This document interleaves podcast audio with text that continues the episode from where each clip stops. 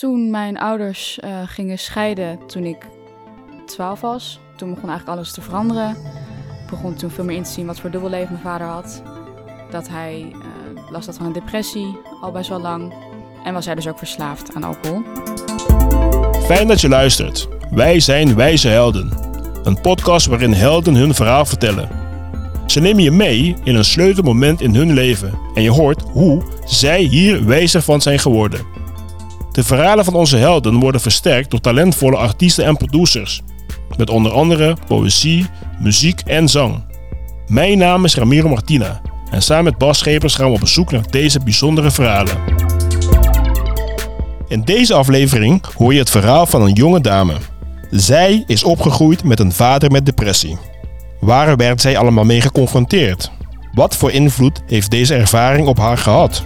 En hoe heeft dit verhaal haar verder gevormd? Dit hoor je allemaal in deze aflevering van Wijze Helden. Daarnaast geeft Ben Oranje met een spoken word uit de voeten als het winter zijn poëtische kijk op dit verhaal. Cor sluit de aflevering af met het nummer Waarom ik me zo gedraag. Veel luisterplezier.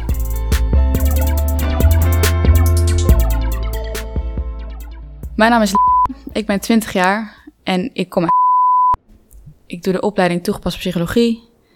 En die keuze heb ik niet voor niets gemaakt, want naast dat ik student ben, ben ik ook kind van een ouder met een psychisch probleem. En dit heeft eigenlijk de motivatie gegeven om die opleiding te, te kiezen. En van daaruit is mijn interesse ontstaan. Eigenlijk is mijn basisschoolperiode, mijn middelbare schoolperiode, is eigenlijk vrij normaal gegaan. Ik heb alle jaren gewoon gehaald zonder te blijven zitten. Het ging eigenlijk vrij relaxed. Toen mijn ouders uh, gingen scheiden toen ik 12 was, toen begon eigenlijk alles te veranderen. Ik begon toen veel meer in te zien wat voor dubbelleven mijn vader had. Dat hij uh, last had van een depressie, al best wel lang. En daarnaast ook om die depressie, om daarmee om te kunnen gaan, um, ja, greep hij naar de alcohol. En was hij dus ook verslaafd aan alcohol. En het was eigenlijk pas later dat ik inzag uh, hoeveel impact dat heeft gehad op mij en mijn gezin. En terwijl ik eigenlijk altijd dacht dat mijn, mijn leven heel normaal was. Want we konden op vakantie één keer in het jaar. Ik had vriendinnen, ik had huisdieren. Ik kon eigenlijk vrijwel alles wat doen wat ik wou. Maar goed, sinds de scheiding werd het veel duidelijk. Ik kwam dus te weten dat mijn vader verslaafd was, depressief was. Ik kreeg te horen dat hij ook Asperger had. Dat is een vorm van uh, autisme. En dat maakte onze band net iets lastiger, iets ingewikkelder. Dit zorgde er bijvoorbeeld voor dat hij nooit echt over zijn gevoelens kon praten. En voor mij was het ook heel lastig om dat dus ja, ook te kunnen doen. Omdat ik dat voorbeeld nooit had gehad. En om wel met hem in gesprek te gaan daarover was het ook erg lastig. Omdat hij eigenlijk niet echt kon communiceren. Dit had natuurlijk ook invloed op mijn eigen psychische toestand. Het lijkt op een ronde, smeulende kleine planeet. Een hele kleine, die in zijn eigen baan rondom de kamer zweeft. Slechts omhuld is een eigen kleine rookpluim wanneer jij uitblaast. Hm. Hoe slecht rook ook voor je is, het geeft me toch een veilig gevoel om te weten dat je een handeling verricht die constant vraagt om te blijven ademen. En de dagen zitten aaneengeschakeld als een ketting om je verdrietige gelaat en houden je hier, hier bij mij. En dan het bier. Groene, leeggedronken pionnetjes in je kamer die ik ontwijk als ik loop. En ik vond je stilte al confronterend, maar een omstoten voelt al helemaal als verraad. Zo controleer ik je. Sla ik je gade vanuit de kier in de deur van je slaapkamer waar je het licht laat uitvloeien door de grote ramen. Je kijkt naar niets in het bijzonder. En uiteindelijk denk ik dat dat het probleem is.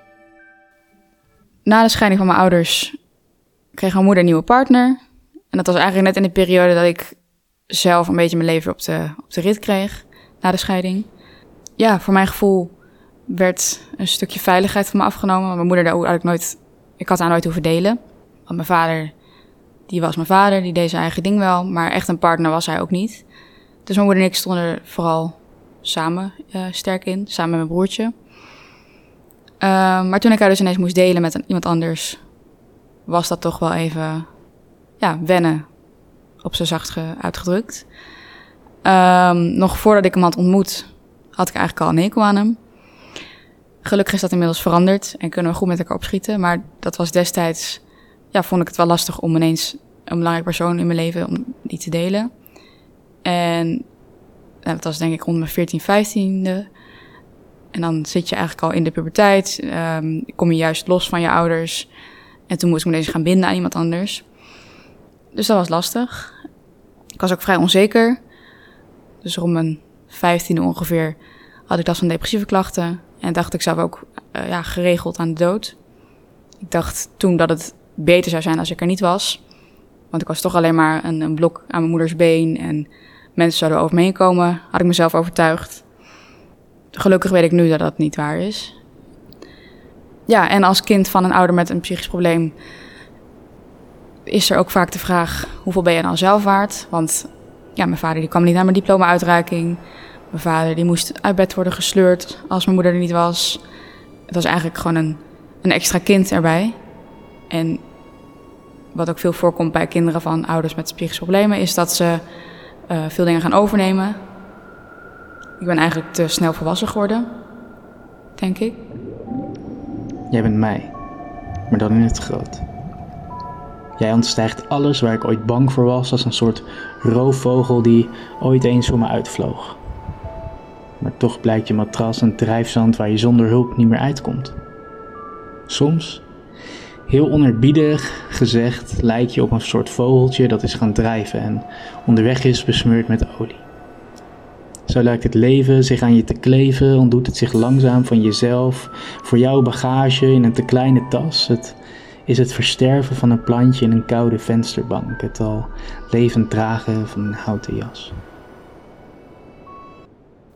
Ehm, daarnaast, in de loop der jaren, is die depressie meer om gaan slaan in angst.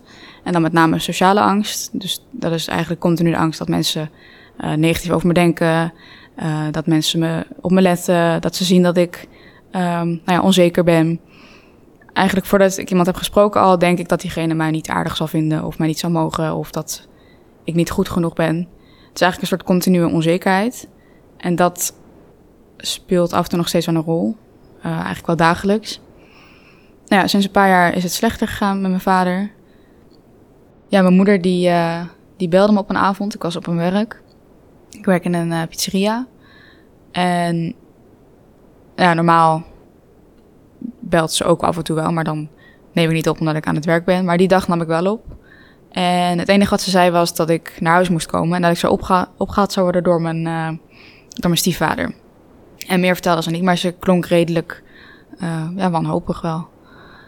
Dus eigenlijk had ik toen op dat moment al direct de gedachte in mijn hoofd van mijn vader, die, die leeft niet meer. En die gedachte probeer ik nog een beetje te, te verzachten door misschien te denken van... oh, maar misschien hebben we wel de, jackpot gewonnen en wil ze daarom dat ik meteen naar huis kom. Ehm, dus ik probeerde een beetje positieve dingen te, te verzinnen, terwijl ik eigenlijk diep van binnen al wist wat er aan de hand was. En toen ik thuis kwam, toen eh, was mijn broertje er ook bij. Ehm, en toen begon mijn moeder eigenlijk direct te huilen en toen vertelde ze wat er aan de hand was. Pap, denken we nog hetzelfde? Of is jouw denken gebonden aan seizoenen? Aan een soort tij die je onverhoopt naar buiten laat stromen, om je vervolgens weer terug te trekken achter je grote ramen. En ik kan je wel gadeslaan, maar niet bereiken. Voel je je dan een speelbal? Een dobber op het schuim? Verdrink je liever in de brandy dan in de branding van je gedachten? Ik. We hadden samen kunnen watlopen. Vleugel aan vleugel. Roofvogel met zijn jong. En weet je ook al eens vliegen tegen de wind in misschien stilstand, je bent nog steeds even met mij. En met je voetjes van de vloer. Hij heeft nu 2,5 jaar geleden heeft hij zelfmoord gepleegd. Hij is in een zodanig diep dal geraakt dat het eh, ja, voor hem niet meer hanteerbaar was. Mijn eerste reactie was eigenlijk ehm, ja, wel verdrietig, maar aan de andere kant ook boos. Eh, omdat, ja, ik, ik kon het niet begrijpen. Ik eh, was vol ongeloof. Vooral het eerste jaar is het eh, heel vreemd. Met vaderdag, met zijn verjaardag, met mijn eigen verjaardag. Het idee dat hij nooit mijn kinderen zal leren kennen, als, mocht hij die ooit krijgen. Gewoon dingen waar je nooit eigenlijk over nadenkt, die dan ineens heel duidelijk worden. Ook is het soms pijnlijk als mensen bijvoorbeeld naar vragen van, zie je je vader nog wel eens? En ik moet dan heel vaak zeggen dus dat hij niet meer leeft. En dat zijn wel van die momenten dat het even pijnlijk is. Maar mensen voelen zich opgelaten om er vragen over te stellen. Terwijl ik juist graag heb dat mensen ernaar vragen. En dat je erover open kunt praten. In plaats van dat het gewoon, ja, dat, dat er gezwegen wordt. En dat het een beetje, um, wordt gedaan alsof er niks aan de hand is, laat maar zeggen. Terwijl als mensen erover vragen, dan heb ik ook meer de behoefte om er iets over te zeggen. En als ze dus stil blijven, dan denk ik, ja, dan ga ik ook niet aan mezelf vertellen wat er dan aan de hand is. Ja, mijn angst houdt me veel dingen nogal tegen. Maar ik probeer steeds meer uit mijn comfortzone te komen. Ik heb uh, bijvoorbeeld mijn verhaal gedeeld tijdens themaavonden. Ik uh, heb mijn verhaal gedeeld in de krant. En door dat soort dingen aan te gaan, door dus ook in te zien dat mensen er positief op reageren, dat ze uh, ja, eigenlijk respect hebben, um, dat draagt ook wel bij aan mijn eigen herstel en ook aan het accepteren ervan. En dat is denk ik al de helft, dat je accepteert dat je dus een kwetsbaarheid hebt en dat het ook oké is. Ik denk zodra je jezelf alleen maar tegen blijft zitten, dat het uh, ja, tien keer zo zwaar wordt. We hadden hier niet hoeven te blijven in de winter. Ik had je losse veren kunnen plukken. Ik had ze kunnen bewaren, ik had ze alleen niet kunnen teruggeven. En weet je, ik ben zelfs bang dat jouw veren nu in mijn tooi zitten. Dat het de doornenkrans is die je hebt overgegeven en die ik nu moet leren dragen met trots. Jij kent straks mijn kinderen niet. Al vraag ik me soms ook wel af of ik jou echt kende. En zonder jou nu op het strand, zie je je vader nog wel eens. Gigant het soms. Rinkelen mijn oren weer als vroeger en speuren mijn ogen de lucht af. Voel ik de krans om mijn hoofd een beetje trekken. Blijf het me maar vragen. Want zolang als ik jou herinner, ben ik het levende bewijs dat jij bestaat.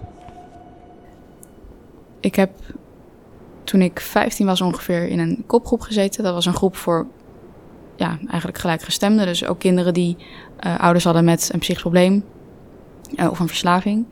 En dat was eigenlijk heel fijn omdat ik daar herkenning kon vinden. Ik wist toen dus dat er meer mensen waren zoals ik. Dat er uh, ja, kinderen waren van mijn eigen leeftijd die dus ook met dezelfde problemen struggelden. En daarna ben ik bij een psychologenbehandeling geweest. En daarna bij een psychotherapeut en nog een psychotherapeut. En zodoende heb ik dus ja, de depressieve angsten en de angstklachten heb ik hanteerbaar weten te maken. Daardoor heb ik dus niet meer van de depressieve klachten in ieder geval niet meer last. En de angstklachten zijn nu hanteerbaar geworden. Ik weet nog een keer dat ik met de trein uh, naar Amsterdam moest voor school. En dat ik eigenlijk de hele dag me opgejaagd voelde. Ik uh, had het idee dat mensen om aan het letten waren. Dat eigenlijk gewoon dat ik weg moest uit de situatie. Dat gevoel had ik. Ik had gewoon het idee dat ik ja, gek aan het worden was. En sinds mijn therapie eigenlijk is dat niet meer zo erg voorgekomen. Uh, dus daar ben ik ja, hartstikke blij mee natuurlijk. Ja, het heeft natuurlijk ook een andere, andere zijde. Het is niet alleen maar negatief om iets te hebben meegemaakt. Want uiteindelijk ben ik er krachtiger door geworden. Ik ben er wijzer door geworden. En als ik zou mogen ruilen met een ander leven, zou ik dat denk ik ook niet willen. Omdat, ja, het heeft mij ook zoveel lessen gegeven. En ook mooie dingen, waardevolle dingen. En ik wil juist laten inzien dat het niet alleen maar een beperking is, maar dat het ook heel veel moois met zich meebrengt. En daarnaast ben ik nu de held van mijn verhaal. En heb ik de regie over mijn eigen leven. En laat ik dat niet meer bepalen door de angst of door de depressie of wat dan ook. Dus ik denk ook dat het voor andere mensen belangrijk is om te bedenken wat jou de held van jouw verhaal maakt. En hoe jij je eigen keuzes maakt in je leven. En hoe je daar dus zelf verantwoordelijk voor bent. De last had van een depressie. Hier is mijn impressie. Je was twaalf, begreep mama niet en mij. Dat we gingen scheiden, toen was je klein. Deze schrijf ik helemaal vanuit mijn lijf. Lieve schat, ik moet deze woorden nu kwijt. Moeite met begrijpen dat ik zo was. Verslaafd aan de alcohol dat ik jou niet liefde gaf. De tijd vliegt voorbij, deze komt vanuit mijn hart. Lieve schat, ik hou van jou elke dag ik kan niet over mijn gevoelens praten. Ik verstop me liever even onder een laken. Sorry dat ik jullie staan in koude dagen. De maanden, jaren worden voor me elke dag zwaarder. Ik heb gezeten op de bladen, maar nu kan ik mijn depressie wegjagen. Ik heb alleen nog maar zoveel vragen. Je weet helaas onvoldoende over mijn verleden. Te weinig, ik zoek naar de nieuwe woorden om het uit te spreken. Ik schrijf het zo vanuit mijn brein, maar de toekomst die is voor jou en voor mij. Ik heb zoveel pijn, je mama, je broertje en je lach zijn mijn kleine dingen die ik nooit zag. Het blijft nog steeds de vraag: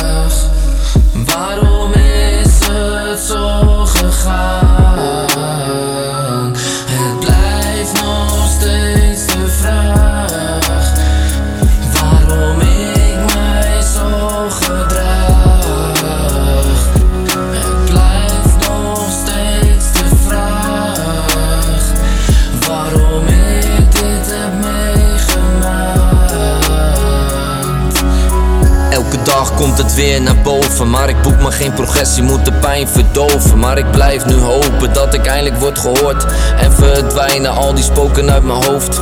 Ik zie jullie kijken wanhopig, daar gaat hij weer in zijn eigen recessie. Maar nu wil ik echt wel meer, niet eens een glimlach op een familiefotosessie. Ik zie dit als mijn eerlijke confessie. Voelde me traag, de burn-out heeft me opgejaagd. Ik kan er niet over praten wat me nog steeds raakt. Waarom ik het je niet vertelde, nu zeg ik sorry, het is nooit te laat. Ik wil als een vader voor jou er zijn, maar ik heb ook spijt daarom dat ik dit nu schrijf.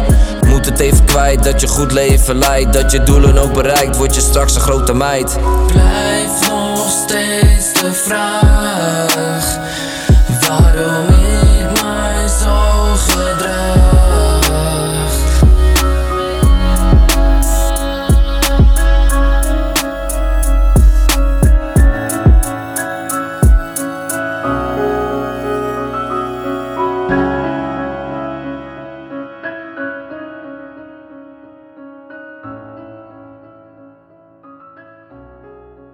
Met dit nummer van Cor sluiten we deze aflevering af. We zijn natuurlijk nieuwsgierig wat jij ervan gevonden hebt. Dus laat je horen of zien. Voor deze podcast zijn we altijd op zoek naar vertellers die graag hun levensverhaal willen delen. En artiesten die graag met hun creativiteit willen bijdragen. Voel je je aangesproken? Neem contact met ons op via info.wijzehelden.nl of zoek ons op via de socials. Een speciale dank aan Ben Oranje, Cor, Rogène Lahitu, Bas Schepers en Giovanni Jansen voor hun bijdrage. En onze wijze heldin voor haar levensverhaal. Mijn naam is Ramiro Martina. Tot de volgende aflevering.